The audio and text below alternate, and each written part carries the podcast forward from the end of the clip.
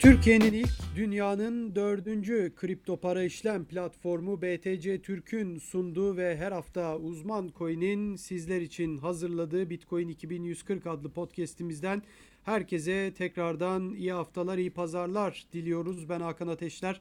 Arkadaşım Burak Köse ile yine sektördeki gelişmeleri, fiyat gidişatını, nereye geldiğimizi, ne yöne doğru gittiğimizi tabii ki konuşacağız. Ee, çok önemli bir konferans toplantı diyelim Miami'de gerçekleşiyor. Bitcoin 2021 birçok ünlü Bitcoin ile alakalı alakasız e, Mayweather'a kadar boksör Floyd Mayweather'a kadar birçok ünlü isim var. Gerçekten önemli bir konferans. Miami'de belediye başkanı o zaten Bitcoin anlamında çok ciddi e, atılımlar yapan ve dünyada Miami'yi Bitcoin'in şehri yapacağım diyen bir kişi e, ve bu anlamda e, önemli bir konferans var. Onu konuşacağız. Ne oluyor, ne bitiyor? Fiyatı konuşacağız. Tabii ki Elon Musk'ın yine tweetleri var. Biraz da kabak tadı vermeye başladı artık. Çok da etkilemiyor. Yine bir etkisi var tabii tabii ki fiyatı düşürüyor ama eskisi kadar olduğunu düşünmüyorum. O da Twitter'da çek, tepki çekmeye devam ediyor. Bunların hepsini tabii ki konuşacağız. Artık Haziran ayındayız. Burak'la biz e, aylardır aslında konuşuyoruz. Yani yaz Fiyat anlamında da sıcak geçecek. Eylül, Ekim bakalım o 100 bin dolarlara belki 300 bin, 400 bin dolar yorumları yapılıyor. Oralara gidişatın ilk adımlarını attığımız e, aylara girdik artık. Yani herkes 2021 sonunu işaret ediyordu. Bakalım ne olacak gerçekten çok merakla beklediğimiz zamanlardayız ve hepsini konuşacağız bu podcast'te de diye bir girizgah yaptık ve e, Burak'a geçelim. Hoş geldin Burak. Hoş bulduk Hakan sen de hoş geldin.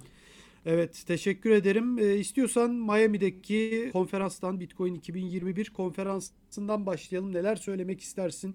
Önemli isimler, önemli konuşmalar yapıyorlar. Yani ben Mayweather dedim ama tabii en şöhretli isim olduğu için bir an o geldi ama onun dışında yani Michael Saylor'ından işte Jack e, Dorsey e, var. Jack Dorsey'e tabii Peter McCormack'ler yani birçok ünlü isim var. E, işte Gemini borsasının sahipleri Winklevoss kardeşler, ikizler yani fotoğraflardan görebildiğim kadarıyla birçok insan var. Tartışmalar oluyor. Bitcoin anlatılıyor.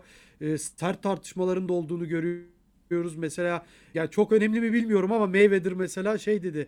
Hani dün evet, ben on... direkt açtım ona denk geldi. Yani yeni bir Bitcoin gibi yeni bir işte başka bir coin çıkar ileriki bir zamanda gibi bir şeyler söyledi hemen yuhlandı oradaki topluluk tarafından. O da bir sinirlendi bir cevap vermeye kalktı ama çok fazla bilgisi de olmadığı için çok evet. cevap da veremedi. İşte ben çocukluğumda çok çalıştım falan filan. Bir süre hep aynı hikaye. Para kazandım bir milyar dolarım var falan filan şey, yaptı şey yine. falan dedi yani işte kripto para olmadan da ben bir milyar dolar kazandım falan ha, tabii yani ne demekse artık onu da.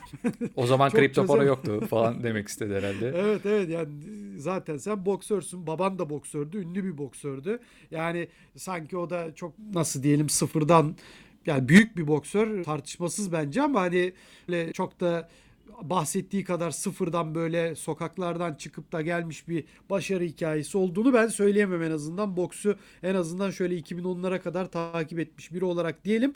Sen neler söylemek istersin? Bu e, konferansla ilgili gerçekten çok önemli. Miami'deki buluşma ilk zannediyorum. Yani bu kadar kitlenin olduğu, bu kadar ünlü ismin olduğu da e, daha önce bir konferans ben hatırlamıyorum. Yok e, daha önce olmadı Bitcoin ile ilgili bu kadar geniş kapsamlı bir konferans. Evet. Tabii bu Bitcoin 2021'i düzenleyen ekip daha önce işte 2020'yi Yanılmıyorsam e, o fiziksel bir toplantı olmadı. O zaman tabii pandemi başlamıştı. Daha e, ilk dönemlerindeydi.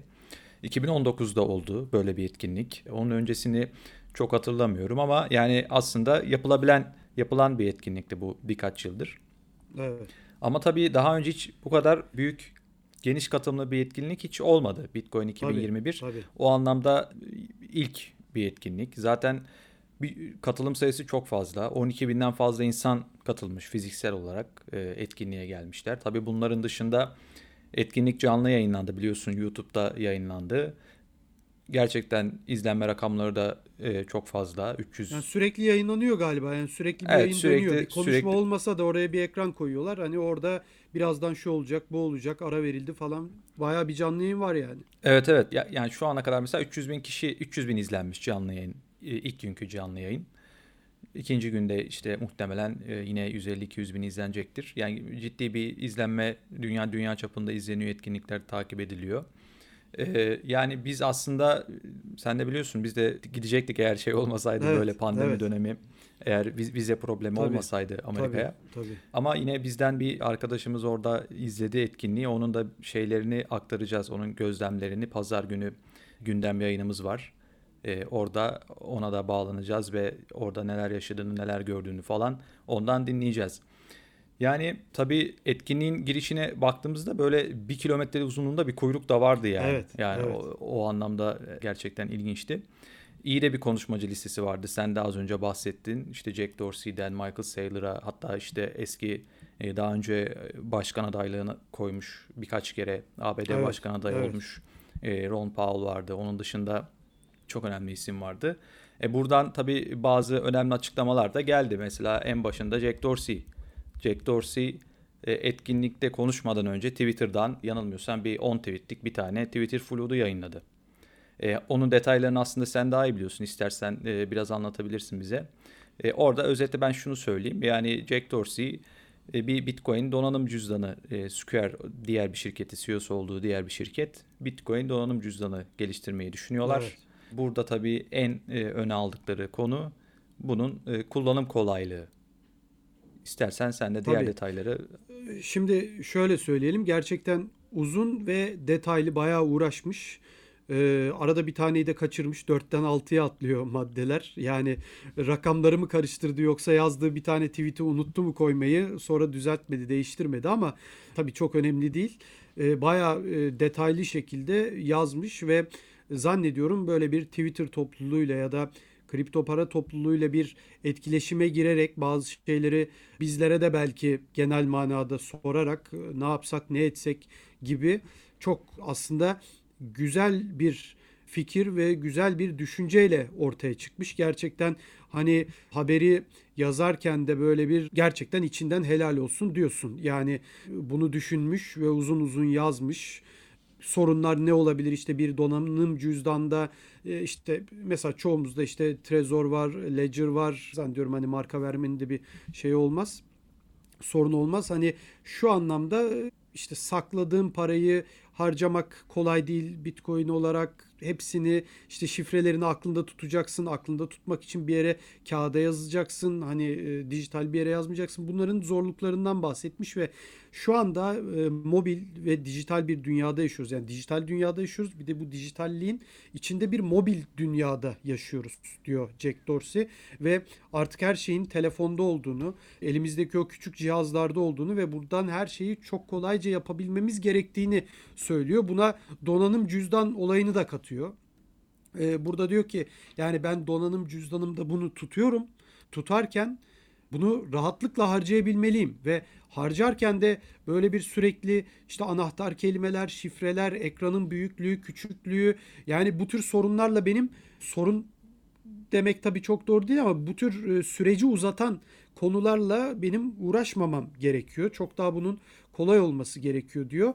E, bununla ilgili bir Twitter hesabı açacaklarmış. E, bununla ilgili bir zannediyorum bir e, grup da oluşturmuşlar çalışma grubu bununla ilgili çalışmalarını da sürdürecekler ve o Twitter hesabından da sürekli olarak güncelleyecekler düşüncelerini, yaptıklarını, işlerini hepsini aktaracaklar insanlara. Gerçekten çok güzel, kaçınılmaz bir durum bence. Yani ne zaman olacağıyla ilgili bir yorum yapmamız yani bunu Twitter yapar, başka şirketler yapar, belki başkaları da düşünüyordu. Onlar yazmadılar. Jack Dorsey yazdı sadece bilemeyiz bunu ama gerçekten bu işin baktığınız zaman gidişatının bu yöne doğru olduğunu tahmin etmek çok da zor değil. Yani nereye kadar değil mi fonlarını yani oradan Evet. oraya aktar, oradan bir daha oraya aktar. İşte şifrelerini gir, anahtar kelimelerini unutma. Evet yani kendi özgürlüğün, kendi fonların bunlar güzel sözler. Ee, katılıyorum da. Ama elindeki telefonda da güvenli bir biçimde telefon ya da başka bir e, cihaz artık bundan 10 sene sonra belki çok daha değişecek bu dijital dünyada. Nereye kadar gidebilirse bunu en kolay şekilde yapmak lazım. Şu anda da çok kolay değil. Yani Değil, şu evet. anda herhalde yani sen biraz daha teknik anlamda belki bu süreci süreçleri daha iyi anlatırsın. Hani e, bir Visa ya da Mastercard'la ilgili bir debit kartın olabilir. Kartta hani harcamalarını içinde kripto para olan, Bitcoin olan, başka kripto paralar da olabilir. Buradan harcama yapabildiğin yerler var. Türkiye'de bunlar geçerli değil şu anda. İşte birçok ülkede dünyanın işte 1 milyar nüfusu hatta ne 1 milyarı eskiden de o 2 milyar nüfusa yaklaşan Çin'de geçerli değil, Rusya'da geçerli değil, Avrupa'da çok yaygın değil. Yani hala bu anlamda kullanılamadığını görüyorsun bu işlerin. Gelişecektir muhtemelen ama bu bence Jack Dorsey'nin dün attığı tweetler ödemelerin bu anlamdaki ilk ciddi adımı olabilir. Tamam hani e, bir debit kartı olması önemli ama bu debit kart zaten çıkabilirdi. Türkiye'deki borsalar da bunu çıkarabilirdi. Herkes yani bu çok zor bir iş değil debit kart çıkarmak ve bunu senin cüzdandaki ya da kartın içindeki kripto paralara entegre etmek. Bu bu çok zor bir şey olduğunu ben düşünmüyorum bunun ama Jack Dorsey'nin yap, e, söylediği kolay bir şey değil. Yani zor bir şey ve bence ödemeler konusunda kripto paraların tabii ki başta Bitcoin bütün dünyaya yayılacağı bir süreç. Bu artık dediğim gibi 5 sene olur, 15-20 sene olur bilemem bunu ama bunun ilk adımı bence dün Jack Dorsey'nin attığı tweetlerle oldu diyebilirim. Yani çok büyük bir laf ettim mi bilmiyorum ama yani ilk adımı diyerek bence öyle. Yani bu işin sonu ödemelere gider. Yani telefondan bugün e, nasıl kahve dükkanına gidip hani böyle gösterip telefonunu şey yapabiliyorsun.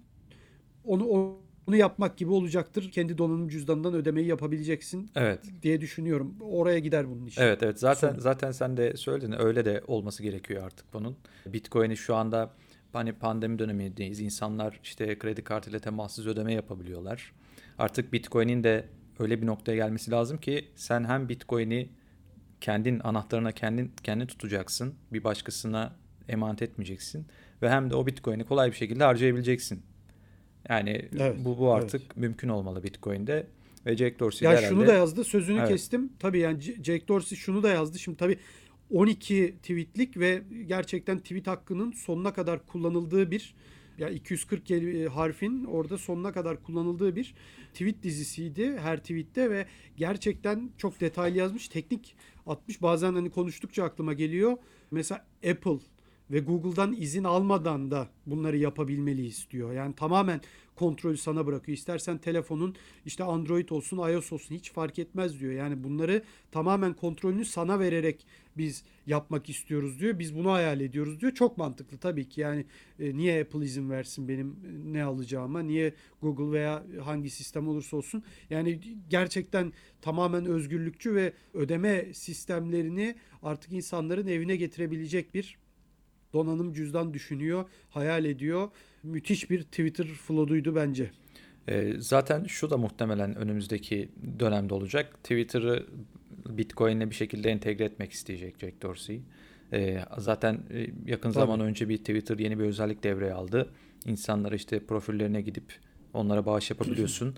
Burada Cash App'i bağlayabiliyorsun. Cash App'te biliyorsun, sen de biliyorsun ki orada Bitcoin tutabiliyor insanlar. Bitcoin Evet, evet. alıp satabiliyorlar. Tabii e, App entegrasyonu üzerinden Bitcoin'le bağış yapabiliyor musun? Muhtemelen yapamıyorsun. Ben şu anda Türkiye'de tam olarak açılmadığı için onu inceleme Tabii. fırsatımız olmadı. Zaten Tabii. App de Türkiye'de kullanılıyor mu, kullanılmıyor mu çok emin değilim.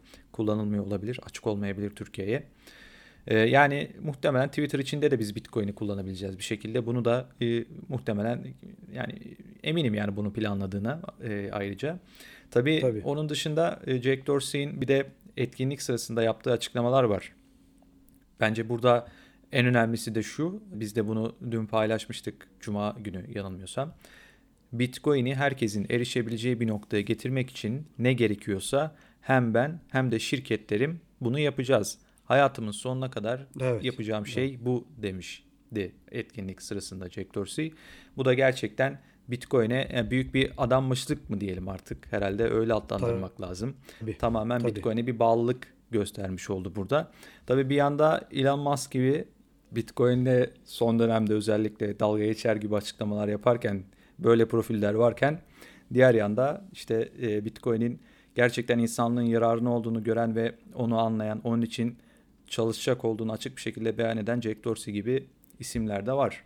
Ya açıkçası ben yani Musk tartışmasını e, Seni geçtiğimiz tekrar haftalarda da Musk tartışmasının içine çekiyorum şu anda. Yok yani çok söylenecek bir şey yok. Ben geçtiğimiz haftalarda zaten söylediklerimi senle de muhtemelen zaten %100'e yakın aynı fikirdeyizdir. Ben Elon Musk'ın da zaten bütün bunları farkında olduğunu düşünüyorum. Tahmin ediyorum yani o da bunun o da konuşuyordur arkadaşlarıyla, yöneticileriyle, danışmanlarıyla kesinlikle bunun bir şekilde muhabbeti geçmiştir ve bu teknolojinin ne olduğunu çok iyi bildiğini düşünüyorum. O onun başka bir problemi var. Yani o ilgi görmek istiyor. Tamamen ben böyle olduğunu düşünüyorum. Cuma günü attığı tweetler ya etkisi de gittikçe azalıyor zaten.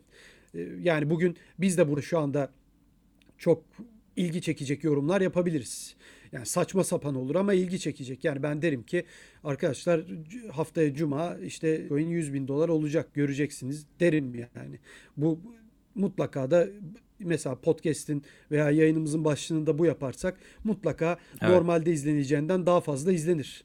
Ee, kısa vadede bir e, izlenirlik elde etmiş oluruz. Ama saçmalamış oluruz ve bir daha o olmadığı zaman da olursa tabii bambaşka bir yere gider ama şansı olmuş olur tabii o yani bir bile olasılığı yoktur belki onun ama yani şunu soracağım bir daha da kimse bize inanmaz. Elon Musk da yavaş yavaş buraya doğru gitmeye başladı. Yani attığı tweetler e, etkisini yavaş yavaş yitiriyor. Düşüş oldu mu? Oldu. Evet 39 binden 37 bine mi ne düştü? Daha da düşebilirdi. Düşsün zaten. Yani ben böyle açıkçası çok uzatmak da istemiyorum. Sözü hemen sana vereyim. Yani bu kadar zayıf, bu kadar güçsüz bir piyasa olacaksa Elon Musk da tweet attığında, Jack Dorsey de tweet attığında yani veya herhangi biri başka olumsuz bir tweet atsa düşecekse piyasa düşsün. Zaten hani e, burada benim çok söyleyeceğim bir şey yok. Bu zaten düşüyorsa hala e, hasta bir piyasa demektir. Yani güçsüz bir piyasa demektir. Kendi kendini götüremeyen bir piyasa demektir. O yüzden e, düşmesi bence daha iyi olur. Düşsün artık zayıf eller mi diyeyim, güçsüzler mi diyeyim veya e, buna inanmayanlar mı diyeyim. Yani inanmak zorunda da değil kimse ama hani bu anlamdaki zayıf kişiler aradan silinsin gitsin. Onlar 50 binde, 70 binde, 80 binde bir gün tekrardan alacaklardır. Aynısı Elon Musk için de geçerli. Sattıysa eğer. Yani bu kadar Dogecoin, Dogecoin git o zaman Tesla'ya Dogecoin aldır. Yani bu kadar Bitcoin kötüyse işte e, nasıl kar ettin? Git yine sat mesela. Ben sattım da bir daha almayacağım da. Sonra gitti işte lazer gözler yaptı yine bir garip bir emojiyle değil mi? Bir Evet profil resmi değiştirdi kendi bugün. Profil fotoğrafını değiştirdi. Bitcoin'le değiştirdi. Bir şeyler yapmaya çalışıyor. Tabii tabii yani tamamen ilgi çekme amaçlı hareketler bunlar. Koca adam Tesla'nın sahibi CEO'su yani SpaceX'te yaptıkları çok güzel işler var. Onları da bence baltalıyor. Ciddiyetini kaybediyor yavaş yavaş. Gerçekten çok büyük işler yapıyor SpaceX'le. Yani bir sadece bir roketi uzaya gönderip bunu aşağı e, indirebilmek bile inanılmaz bir iş bence. Yani o gördün değil mi o görüntüleri? Evet evet. Daha önce böyle e, yani ne, ne derler sallana sallana düşüyor ve bir anda yatay olup dik olup ondan sonra iniyor. Yani bunu başarabilmek müthiş bir şey ve bütün bu ciddiyetini kaybeden bir adama döndü sadece 50 milyon Ki takipçiye sahip şeyde, olduğu için. Twitter'da yani da pek söylemeyeyim sözü sana bırakayım. Evet Twitter'da da hani e, bunun araştırmasını da yapmışlar rakamlara falan bakmışlar. Ee, insanlar bayağı bir tepki gösteriyorlar tabii, Elon Musk'a karşı. Mentionlar özellikle e, yüzde 70 miydi tam hatırlamıyorum yüzdesini ama olumsuz yönde. Evet. evet. Yani e, ben bugün aslında şunu da düşündüm. Acaba Elon Musk hani bunu çok sık tekrarlamaya başladı. İşte Bitcoin bir profil resmini değiştiriyor. Ondan sonra işte Bitcoin ilgili birkaç negatif şeyler söylüyor. Sonra olumlu bir şeyler söylemeye çalışıyor. Yani sanki artık bunu bunu çok sık yapmaya başladı ve hani artık beni ciddiye almayın falan yani oraya tabii, getirmeye tabii, çalışıyor tabii, işi diyorum, tabii. herhalde bu sık sık bu açıklamaları yaparak biraz da öyle düşünmeye başladım özellikle. Ya da altında başka bir plan var bizim tahmin edemediğimiz çok başka şeyler var çünkü de e, geçen hafta bunu Erhan Ünal'la da konuştuk. Onların da tweetlerini, diğer arkadaşlarımızın da tweetlerini takip ediyoruz zaten, görüyoruz.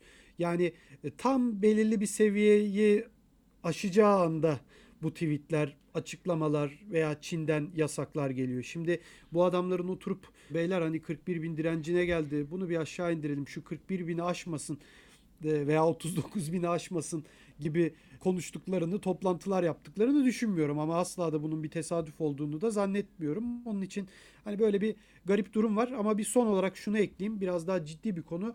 Elon Musk'ın bu yaptıklarının kendisi açısından da bir tehlikesi olabilir. Orası Amerika ne kadar koruması, ne kadar e, etrafında e, başka işte dediğim gibi korumalar olursa olsun bu tepkiler e, bambaşka olaylara da yol açabilir. Ona zarar da verebilirler. Amerika çok çılgın bir ülke. yani manyakça bir ülke bence. Yani kendine, etrafındakilere, yakınlarına zarar verdirttirecek açıklamalarda olabilir bunlar. Yani bu anlamda bence dikkatli olması lazım. Bence etrafındaki insanlar bunu da söylemişlerdir ona. Birden fazla kez söylediklerini de düşünüyorum. Çünkü bu iş para işi. İnsanlar onun açıklamalarıyla mutlaka para kazananlar vardır ama para kaybedenler de vardır özellikle Dogecoin konusunda. Yani çok yükseklerden alıp Elon Musk'a güvenip e, çünkü o Saturday Night Live'daki programdan sonra zannediyorum düşmüştü. Evet bayağı düştü şu anda. %50'den Tabii, fazla değer kaybetmiş yani, durumda. Bu işler hiç belli olmaz. Orası Amerika. Evet bizim e, de şu anda ülkemizde birçok ekonomik problemi olanlar var ama Amerika'nın zenginliği de, fakirliği de, e, şiddeti de bizden çok daha fazladır. E, bunu unutmamak lazım. Yani detaylara girip politik fazla konuşmayayım ama yani Amerika'da birçok şey dediğim gibi güzelliği de çirkinliği de çok fazladır. Olduktan sonra üzülürsün, daha çok üzülürsün. Yani o anlamda bence dikkat etmesi lazım. Kendine de zarar verdirebilir. Yani ben hatırlıyorum 2000'li yılların başında bir adam vardı manyak bagajdan sniperla insanları vuruyordu rastgele. Yani e, adamı iki buçuk üç ayda falan yakaladılar. Araba değiştiriyormuş falan sürekli. Hani onu bile zor yakaladılar. Her gün 4-5 kişi öldürüyordu New York'ta. E, sadece bagajdan sniperla insan vurarak silah satışında biliyorsun Amerika'da serbest birçok yerde. Çok net şekilde silah her yerden bulabilirsin. Hani e, hani istemem tabii ki asla istemem böyle bir şeyi insana zarar gelmesini ama bu anlamda da bir tehlikesi var bence onu da söyleyeyim. Anladım. Yani aslında e, Elon Musk'a artık daha fazla zaman ayırmaya gerek yok tabii, herhalde. Tabii, yani tabii, burada tabii. özellikle Bitcoin 2021'de etkinlik öncesinde Temsilciler Meclisi üyesi Warren Davidson e, Bitcoin lehine düzenlemeler masada diye bir açıklama yaptı. Bu etkinliğin evet. ilk gününden bir önceki gündeydi bu açıklama. Yani orada bir tane de senatör var Bitcoin e, Bitcoin ile ilgili Bitcoin yanlısı olan diyeyim açıkçası. Yani bu da aslında bilmiyorum sen bu açıklamaya çok inanmadın ama hani Bitcoin konusunda önümüzdeki dönemde muhtemelen regülasyonlar, ciddi regülasyonlar evet. gelecek. Zaten evet. bu aynı zamanda e, bütçeye de girdi. E, Biden'ın 2022 bütçesine de dahil edildi kripto parayla ilgili düzenlemeler. Bu açıklamada bu düzenlemelerin acaba işte Bitcoin'in lehine mi olacağı şeklinde yani ben bir, açıkçası bir, bir soruyu beraberinde getirdi. Yani inanmadım değil yani hani burada görmeden inanmamak lazım. Çünkü o sadece bir tane senatör ama e, temsilciler meclisinde olsun, Amerika'da olsun, Türkiye'de olsun, Rusya'da, Çin'de yani güç sahibi insanların bu konuyla bunu seninle daha önce de konuştuk. Çok fazla ilgili olmayabileceğini de görüyoruz. Yani çok skandal yorumların yapıldığını da görüyoruz. Yani e, bizde Nisan ayı sonunda bir gece yarısı kelimesi gelmedi kararname. ama ha bir kararname mesela genelge. o kararname de tabii genelge mesela o genelge de eksikti açıkçası. Belli ki yazanlar o anlamda tam bilgi sahibi değiller. Normal ama en azından bilgi sahibi insanlara sorulup onun yazılabilmesi lazımdı. Bu Çin'de de böyle. Rusya'da da böyle işte dün e, haberini de yaptık uzman coin'de cuma günü pardon. Rusya'nın en büyük bankalarından birinin yönetim kurulu başkanı konuşuyor. E, dijital kripto para diyor, kripto para rublesi diyor. Bütün kavramlar hani, karışmış. Bütün kavramlar hepsi birbirine girmiş. E, dijital para da aynı, kripto para da aynı. İşte CB CBDC dediğimiz Merkez Bankası dijital parası da aynı. Hepsi aynı. Bitcoin en büyük düşman her zaman olduğu gibi. Yani bu açıklama şimdi yönetim kurulu başkanı yapıyor bunu. Hani e, sıfatı çok yüksek bir insan. Hani o yüzden hani evet o senatör onu yapmış olabilir ama karar alıcılar, politika yapıcılar oturup bunu ciddi şekilde bilgi almadıkları sürece, konuşmadıkları sürece yani çok kolay olduğunu düşünmüyorum. Bu senatör bunu söyler. Yarın öbür senatörler çıkar. Biden der. Kamala Harris der. Ee, ben çok beğenmiyorum falan der. Bir şeyler derler. Yani bambaşka Trump öyle gidebilir. bir açıklama yapmıştı görevdeyken. Tabii tabii. Tabii tabii. Ya Trump'tan beklersin evet, o açıklamayı tabii. Doğru. Trump biraz daha bu anlamda ciddiyet az olan bir insan. Cahil bir insan bence. Ama yani yine de politikacılara görmeden o kararlar çıkmadan çok fazla güvenmemek lazım. İşin içinde politika varsa her zaman. Evet tabii yani Bitcoin'e şimdi Biden yönetimi biraz böyle çevrece, çevreye önem veren iklim değişikliği ile ilgili e, politikaları olan bir yönetim olduğu için hani Bitcoin'in de bir son dönemde biliyorsun enerji tüketimi gündeme geldi. İşte Bitcoin çevreyi kirletiyor. İşte e, enerjiyi sarf ed nasıl diyeyim? Enerjiyi boş harcıyor e, şeklinde itirazlar yükselmeye başladı. Hatta Ripple bir yandan işte biz çevreciyiz e, sürdürülebilir bir kripto parayız gibi. Garlinghouse hemen oradan evet, evet. E, gol atmaya çalışıyor ama çok işe yarayacak evet, bir şey değil. Tabii tabii. Garlinghouse'un açıklamalarının dışında da Ripple zaten sürekli eğer takip ediyorlar, insanlar takip ediyorsa bunu fark etmişlerdir. Ripple sürekli her gün işte çevrecilikle, sürdürülebilirlikle ilgili paylaşımlar yapıyor evet, Twitter'dan. Evet. Yani onların da öyle bir politikası var. Hani Bitcoin'e belki buradan bir düzenleme hani bunu öne çıkararak Bitcoin'in enerji işte iklim değişikliğine karşı Bitcoin'in bir tehlike olduğu, işte Bitcoin'in e, sürdürülebilir olmadığı şeklinde bir buradan politika çıkarıp Bitcoin'e bu yönden saldırabilirlerdi eğer politikacılar evet, ama son evet.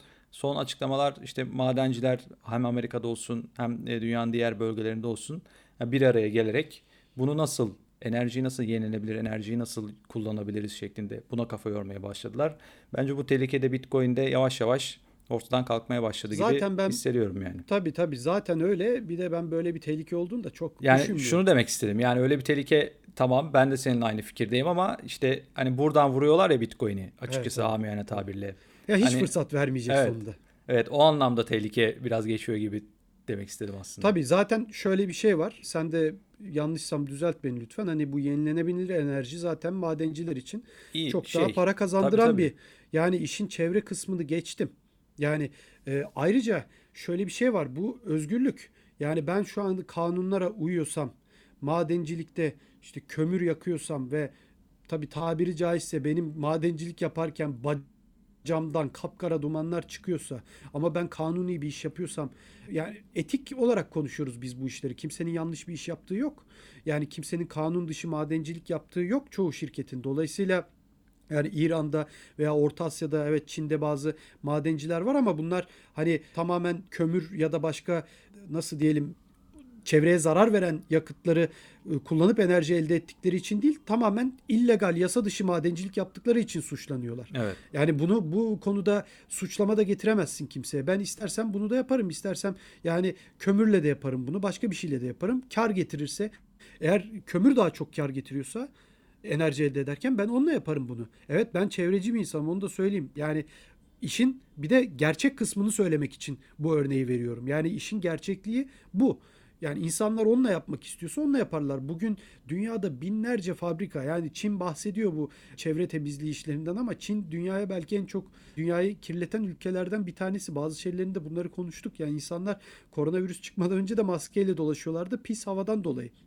Bugün Marmara Denizi'nin geldiği yer ortada. Sabah gördüm. İşte Yalova kıyıları zannediyorum. O taraf o körfez tıklar bütün gitmiş. Yani bunlar varken dünyada yani Tesla bütün elektrikli araçlarının elektriğini o kömürden elde edilen enerjiyle oluşturuyorsa bütün bunlar varken gerçekten Bitcoin'in enerjisini falan konuşmak bomboş bir konu. Yani onu belirtelim ama senin dediğin gibi ona rağmen o sözü de söyletmeyecekler herhalde. Çünkü yenilenebilir enerji çok daha ucuz diğerlerinden. Tabii Bunu tabii. lazım. Tabii yenilenebilir enerji Adam ucuz. kar edecek yani. Aynen aynen tamamen söylediğine katılıyorum. Etkinlikte de Michael Saylor'ın bu, bu bununla ilgili açıklamaları var. Enerjiyle ilgili Bitcoin'in enerji tartışmalarına da değindi Bitcoin konusunda. Evet.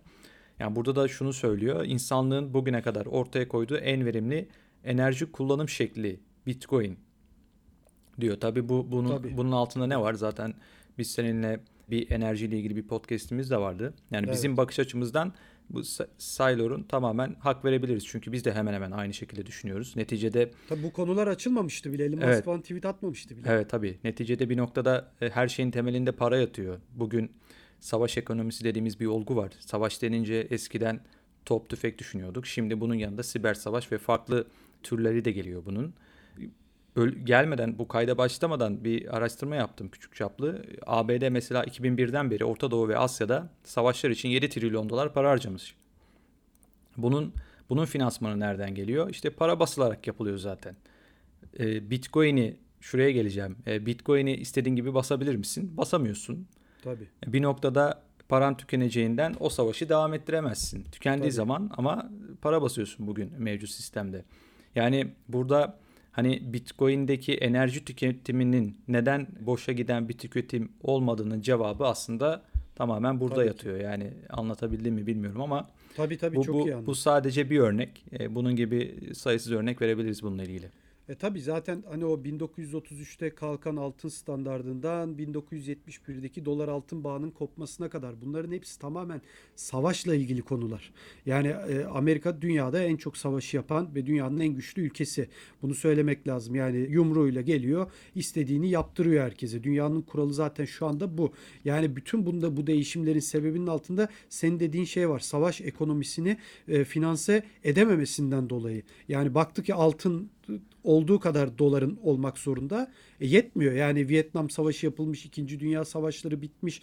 E, bütün Orta Doğu'da, Asya'da finanse edecek kendi kontrolünü Sovyetlere karşı sağlamak için ne yapacak? Para lazım. E yetmiyor. Yani altının karşılığındaki olan para Amerika'ya zor yetiyor. Dolayısıyla dediğin çok doğru. Bitcoin tamamen yani savaşı bile önlüyor artık o bu anlamda neredeyse. Onu belirtmek Tabii lazım. yani evet yani tüm tüm tüm bunlarla zaten işte hani enerji tüketimi Bitcoin çok enerji tüketiyor. Bu enerji boşa gidiyor. Bir enerji sarf ediliyor. Bo bomboş yani. bir konu canım. Yani tamamen bomboş. Ya isterse bakın yenilenebilir enerji de olmasın.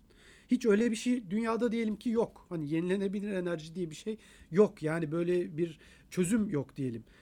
Ya bütün hepsi kömürle çalışsın ya. Bitcoin'in şu an dünyaya verdiği zarar diğerlerinin yanında yüzde 3-5 bile etmez. Yani o madencilikten. Yani insanlar da zannediyor ki böyle koca koca fabrikalarda bitcoin çıkarılıyor. Madenler böyle kara kara dumanlar çıkıyor şeyden. Vacalardan falan zannediyorlar. Yok öyle bir şey. Yani e, bütün bu senin biraz önce anlattığın şeylerin yanında bitcoin'in harcadığı o elektrik enerjisi için e, kullanılan işte kömürüydü, petrolüydü neyse artık e, hiç sıfır yani. Anladım.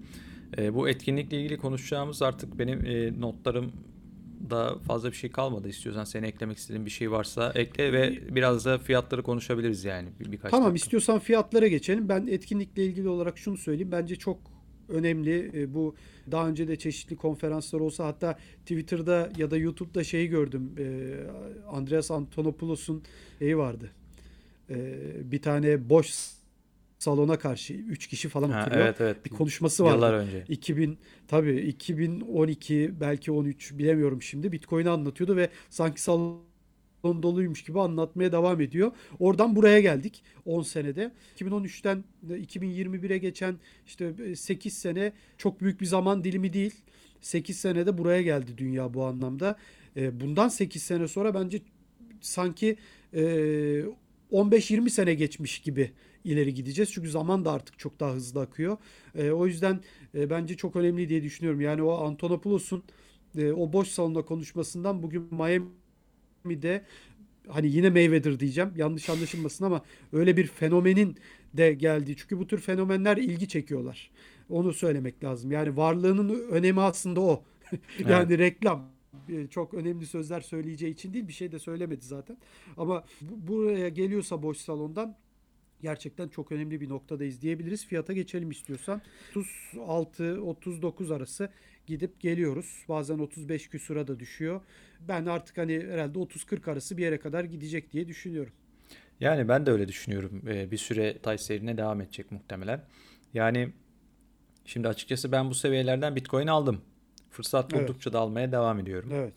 2017 sonlarında başlayan ve 3 yıl süren bir dönem var e, herkesin malumu onun gibi bir ayı sezonu içinde olduğumuzu da düşünmüyorum şu anda. Bitcoin'in geçmişine baktığımızda işte o zirvelerden önce böyle dönemler hep oldu.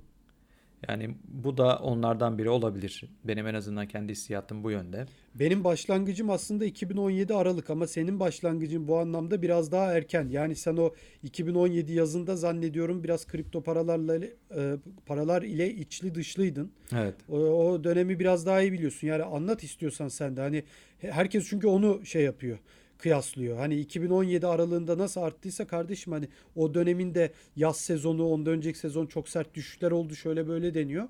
Hani grafiğe bakarak da bunu görebiliriz ama sen yaşayan biri olduğun için daha bence iyi anlatacaksındır diye evet. düşünüyorum. Yani e, Bitcoin'de tabii o, o e, 2017 Aralık ayında Bitcoin 20 bin dolara ciddi bir yükseliş yaşadı e, birkaç hafta içinde.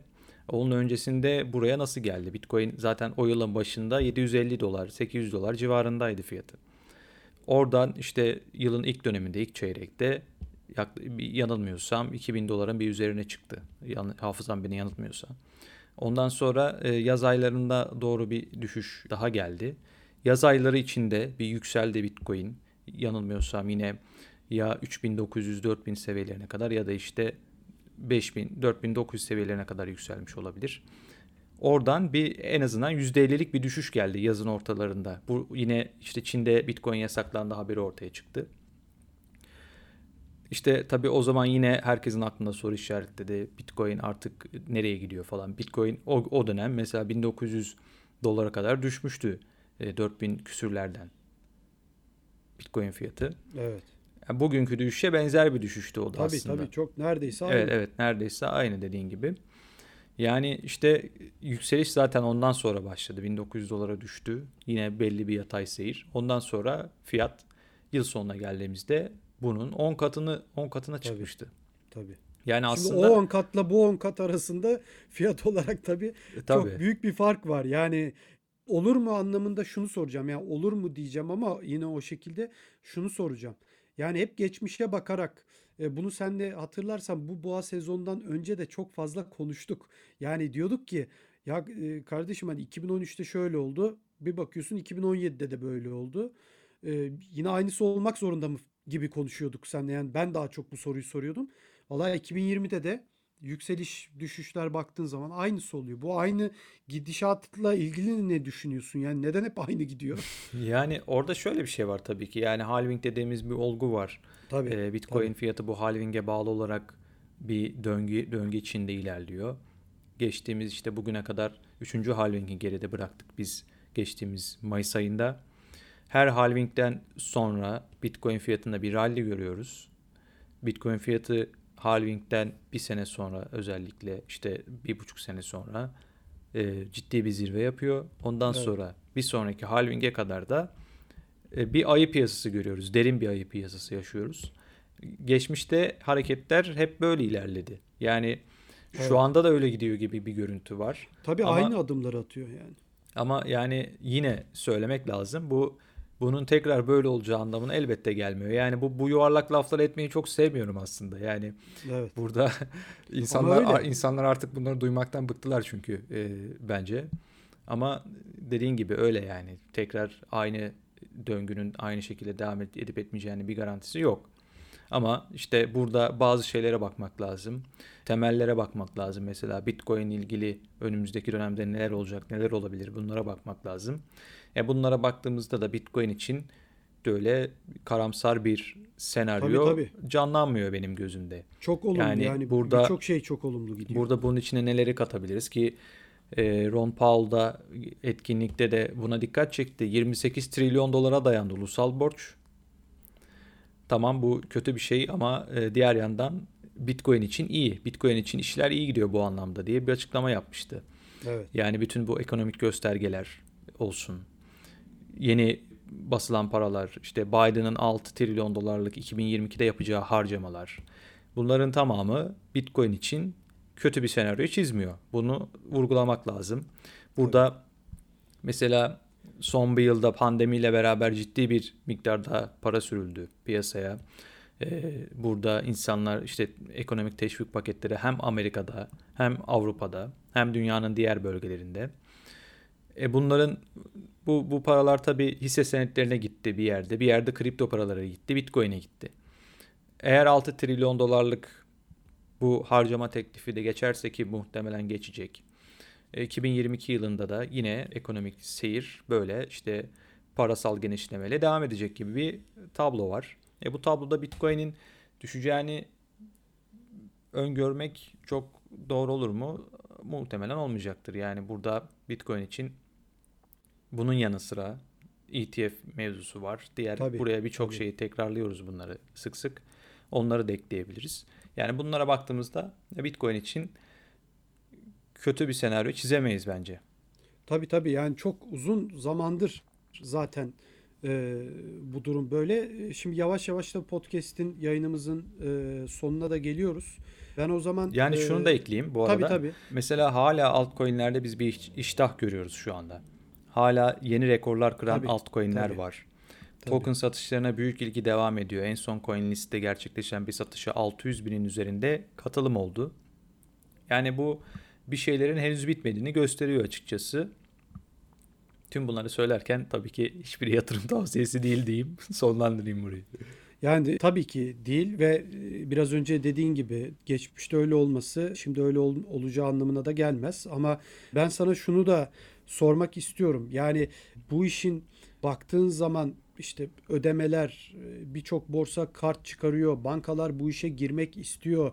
Ee, en son mesela sözünü kestim. Coinbase Apple Pay ile Google Pay ile anlaştı. Tabii, Bunlarla entegre tabii. etti kendi Coinbase kartını. Yani bunun dışında işte Google mesela bu 2018'den beri yasaklı olan reklam yasağını, bir reklam yasağı vardı 2018'den bu yana devam eden.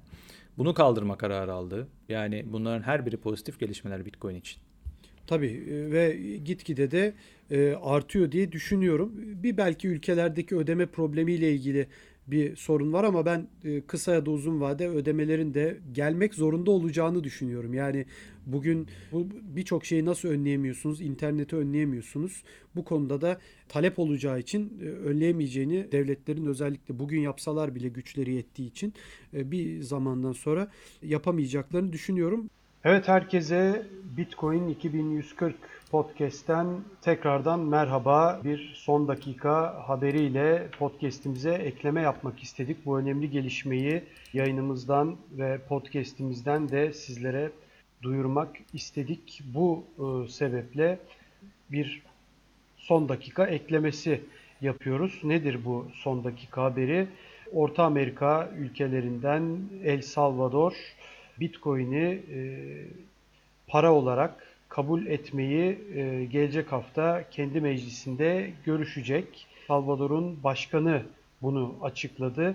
Bu nerede açıklandı? Miami'de devam eden ve bu podcast'te de yine konuştuğumuz Coin konferansında Jack Mollers tarafından açıklandı. Jack Mollers da Bitcoin alım ve satımına izin veren ZAP uygulamasının kurucusu. Kendisi El Salvador'a daha önce gittiğini, orada çok ciddi şekilde zorluklarla yaşayan bir halkın olduğunu gözyaşları içinde anlattığı konferansın bugünkü daha doğrusu 5 Haziran Amerika tarihiyle e, saat dilimiyle diyelim daha doğrusu 5 Haziran'daki konferansın son günündeki son bölüm e, konferansın son bölümündeki konuşmasında gözyaşları içinde anlattı Jack Mollers dedi ki e, El Salvador artık para birimi olarak kabul etmeyi tartışacak, görüşecek. Daha doğrusu El Salvador'un başkanını, başkanının video görüntüsünü e, paylaştı orada ve gerçekten duygusal anlar yaşandı ama bir o kadar da sevindirici bir zamandı. Tabii şimdi biz acil yayın olarak girdik.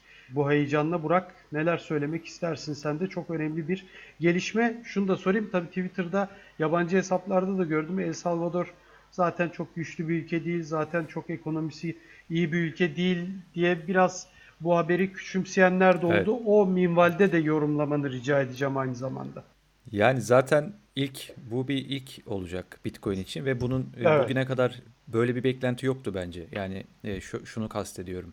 İşte çıkıp Almanya veya işte eşdeğer bir güçte atıyorum Fransa kalkıp demeyecekti Bitcoin'i biz rezerv olarak kabul edeceğiz. İşte Bitcoin'i biz yasal para yapacağız. Bu zaten küçük ülkelerle başlayacak başlayacak olan bir şeydi. Evet. E, bunu biz sen de belki hatırlarsın. Yine podcast yayınlarımızda e, BTC Türk'ün kurucusu Kerem Tebu'yu konu, konuk etmiştik. Onunla konuşmuştuk hatta bu mevzuyu. İşte merkez bankaları Bitcoin'i bir rezerv varlık olarak tutacak mı? Ne zaman tutacak? Şeklinde bir soru yöneltmiştik. O da evet. işte bu genelde küçük küçük ülkelerle başlar. E, bence olacak demişti. El Salvador buna iyi bir örnek oluyor şimdi. Zaten bu küçük ülkelerle başlayacak olan bir şeydi. İşte El Salvador olabilirdi. Belki mesela kum dolarıyla denemeler yapan Bahamalar, Bahamalar olabilirdi. E böyle ülkelerden başlayacaktı zaten bu Bitcoin'in rezerv olarak e, tutulması. Şimdi El Salvador Devlet Başkanı açıklamasında da zaten e, bunu kongreye göndereceğim diyor ama tabii oradaki e, sistemin işleyişini bilmiyoruz. Nasıl bir sistem var. Yani tabii. muhtemelen e, açıklaması şunu gösteriyor. Bu olacak bir şey. Yani reddedilecek mi, edilmeyecek mi? Pek reddedilecek bir şeye benzemiyor yani. Yasa tasarısını tabii. göndereceğim diyor. E, muhtemelen olacak e, bir gelişme. Yani yasal parayla birlikte aynı zamanda tabii bir rezerv varlık olarak da tutulacak. Bu hep beklenen bir şeydi. Bitcoin meraklıları arasında işte yıllardır hangi ülke olacak? İlk hangi ülke Bitcoin'i bir rezerv para olarak tutacak? Sorulan bir soruydu. Şu anda dünyada ilk ülke bu konuda görünen o ki El Salvador oluyor.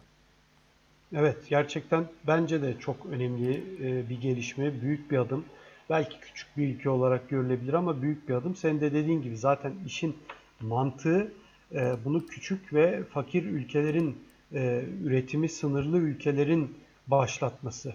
Yani adamın zaten elinde belirli bir güç yok. O yüzden o güce ulaşabilmek için zaten böyle bir hamle yapıyor ki Jack Mollers da biraz önce de söylediğim gibi konuşmasında El Salvador'a geçmişte gittiğini ve çok ciddi bir fakirlik olduğunu, çok zorlu bir yaşamın orada olduğunu söyledi. Hatta şöyle bir örnek verdi. Orada zannediyorum ismini tabi El Salvador ismi olduğu için tam hatırlayamadım. Orada bir genç kişiyle belki bir çocukla 10-15 yaşlarında bir çocukla tanıştığını söyledi. Fotoğraflarını gösterdi orada. Çekildiği fotoğrafları gösterdi ve orada bu çocuk balıkçıymış. Tekrar edelim yani tam Orta Amerika'da bir ülke El Salvador. E, Pasifik Okyanusu tarafına bakıyor ve açıkçası hani okyanusun iki tarafına da bakan bir ülke. Çok fazla ticaret yok, çok fazla bir üretim de yok. Küçük bir ülke zaten. Orada balıkçılık yapıyormuş çocuk ve e, Jack Mollers hani onun ne kadar zorlu şartlarda çalıştığını anlattı anlattı ve en sonunda onun bir Bitcoin cüzdanının olduğunu, Bitcoin aldığını söyledi.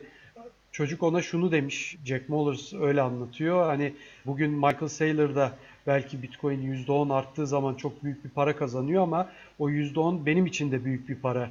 Ben de o Bitcoin arttığı zaman para kazanıyorum. Onun da bir e, Michael Saylor'ın da bir donanım cüzdanı var. Ama benim de bir donanım cüzdanım var ve ben de hayatımı bu şekilde idame ettirebiliyorum. En azından paramın değer kaybetmemesini sağlayabiliyorum diye çocuk oradaki o balıkçılıkla hayatını geçindiren çocuk ki birkaç zorluk daha anlattı. Yani sürekli balıkçılık yapıyor ama hani e, orada da herhalde mevsimsel anlamda bazı zorluklar olduğu için okyanus kenarında hani sürekli de bunu yapamadığını, sürekli para kazanamadığını, düzenli olmadığını işinde anlatıyordu. Ve bunu gözyaşları içinde anlattı Jack Mollers. Gerçekten ilginç bir konferansın ilginç bölümlerinden bir tanesi oldu. Yani tabii onun duygulanması normal hani oraya gitmiş görmüş. Bu açıdan da çok önemli. Yani oradaki bir balıkçı çocuğun bile bu anlamda para kazanabiliyor olması, dünyanın e, bu anlamdaki nasıl diyeyim yani e, nimetlerinden küçük de olsa faydalanabilme umuduna sahip olması ki öyle de demiş çocuk. Benim artık bir umudum var demiş. Eskiden bu yoktu demiş. Yani benim buradaki bütün hayatım bu. Balıkçılık, balık yoksa para da yok. E, varsa para da az var demiş çocuk. Yani en azından benim şu anda bir umudum var demiş. Herhalde Bitcoin'in en büyük dünyaya kazandıracağı işlerden veya e, nasıl diyelim getireceği yeniliklerden biri de insanların umudu e, çalıştığı işin getirdiği paranın değer kaybetmemesi olacak herhalde değil mi? Bunu göstermek istiyor. Tabii yani zaten dünyada bugün biliyorsun sen de Hakan bunu daha önce de birçok kere konuştuk seninle. Şu anda işte e, Venezuela'da mesela çok ciddi bir yoksulluk var. Orada tabii, da gerçekten tabii. Bitcoin e, kullanılıyor insanlar arasında. E, Bitcoin'i tabii orada ambargodan dolayı herhangi bir uluslararası ödeme ağı kullanılamıyor. E, Tabii. Bitcoin burada insanların hayatlarına dokunuyor. Mesela Venezuela bir örnek. Diğer yandan İran'dan biz İran'la İran'la bir e, arkadaşımızla bir podcast yapmıştık. Ona da sorduk İran'daki durumu. O da burada insanlar Bitcoin'i gerçekten bir ödeme aracı olarak kullanıyorlar.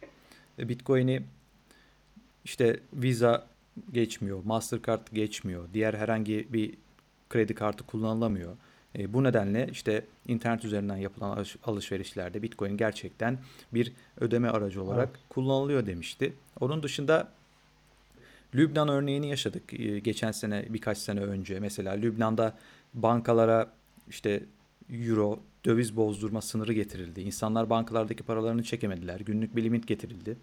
Lübnan'dan gidenler oldu bu yüzden. Artan Tabii. ekonomik Tabii. ambargolardan, e, ekonomik yaptırımlardan, işte kemer sıkma politikalarından dolayı Lübnan'dan giden insanlar oldu ve bunlar varlıklarını dışarıya Bitcoin ile çıkardılar mesela.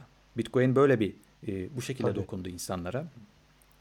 Şimdi El Salvador böyle bir ekonomik sıkıntı içinde olan tek ülke değil dünyada. Yani birçok küçük ülke bu şekilde. Bunun Afri Afrika'sı yani, var yani koskoca bir kıta. Tabii tabii tabii Afrika'sı var dediğin gibi. Burada El Salvador bir örnek olacak e, diğer ülkelere. Belki de e, burada gerçekten iyi bir deney ortaya konacak ve diğer ülkelerde bunu dalga dalga takip edecekler. Ya buradaki aslında önemli konu şu.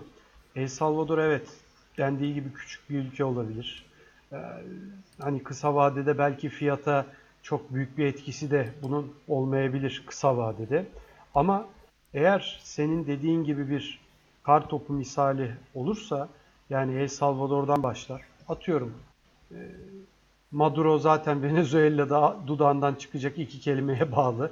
Meclise de götürmesine gerek yok muhtemelen. Evet. Yani bu Venezuela'ya devam eder. Yani coğrafi olarak yakın olmasının da çok bir önemi yok. Örneği bu açıdan vermedim.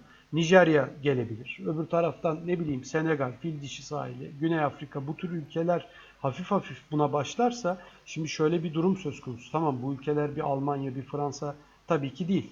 Ee, bir Türkiye de değil. Bir Amerika zaten değil. Ama bu ülkeler küçük küçük birleştikleri zaman hani bu gelişen ülkeler diye bir kriter var ya. Şimdi o ülkelerin toplamı aslında toplamının gücü yavaş yavaş da o büyük ülkelerin gücüne de yaklaşıyor. Yani e, bunu daha önce de konuşmuştuk zannediyorum. Yani bir Almanya, bir Fransa, Avrupa Birliği, Amerika tamam bunlar çok güçlü ama bir de gelişen ülkeler diye bir topluluk var. Bu ülkelerin birbirleriyle bağlantıları olmasa bile bunların dünya ekonomisi içinde tuttuğu bir yer var ve bunları bir sayıyorlar. Şimdi bu El Salvador'la başladı. Nijerya ile devam etti. Küçük bir kartopu olur. Bu hemen de büyüyecek demiyorum ama e, veya hemen bir Amerika'yı tehdit edecek falan. Bunu demiyorum ama böyle başlar bu işler. Küçük küçük başlar. Sonrası çok başka yerlere gidebilir. Bu açıdan çok çok önemli. Hele bir de yani El Salvador bu işten biraz güçlenerek çıkarsa, biraz e, Bitcoin'i ne bileyim ödemelerde bir türlü kullanırsa o zaman turizmi açabilir. Bambaşka yerlere gidebilir. Yani şu yani anda şu ilk var. aklıma gelenleri söylüyorum. Evet. Yani kere... çok o zaman büyür o kartopu ve hızlı şekilde büyür. Evet kesinlikle. Şu da var e, burada bence ondan not etmek lazım. Şimdi El Salvador 6 milyonluk bir ülke. Burada tüm dünyada Bitcoin topluluğu, Bitcoin'e destek veren şirketler bunlar gerçekten Bitcoin için ciddi çalışmalar yapıyorlar. Burada belki El Salvador'a özel e, onun ekonomisini güçlendirecek çalışmalar bile yapabilirler diye düşünüyorum şu anda. Tabii tabii. Şeyde, yani her tarafa gidebilir bu iş. Tabii. Evet şeyde not etmek lazım. Burada El Salvador Devlet Başkanı açıklamalarından da belki biraz bahsedersek iyi olur. Onu şu an açmaya çalışıyorum. Yani burada merkez bankaları gittikçe El Salvador'un ekonomik istikrarına zarar verebilecek eylemlerde bulunuyor. Merkez bankalarından kaynaklanan bu e, merkez bankalarının olumsuz etkisini azaltmak için arzı hiçbir merkez bankası tarafından kontrol edilemeyen dijital bir paranın dolaşımına izin vermek gerekli diyor. El Salvador Devlet Başkanı. Aynı yani zamanda merkez bankaları derken tüm merkez bankalarından Evet, tüm merkez bankalarından herhalde. bahsediyor. Aynen. Yani başkası da olsa biz de olsak bu, bu parayla oynanıyor ve parayla oynandıkça e, bunlar değerini kaybediyor. Evet, hatta bu zarar e, veriyor diyor tabii. Direkt açıklaması zaten biz e, hemen Twitter'da da paylaştık. Önümüzdeki hafta Bitcoin'i El Salvador'da yasal para haline getirecek bir yasa tasarısını kongreye göndereceğim. Kısa vadede bu istihdam yaratacak ve binlerce kişiye kişinin finansal binlerce kişiye finansal katılım sağlamasına yardımcı olacak demiş El Salvador Devlet Başkanı. Evet.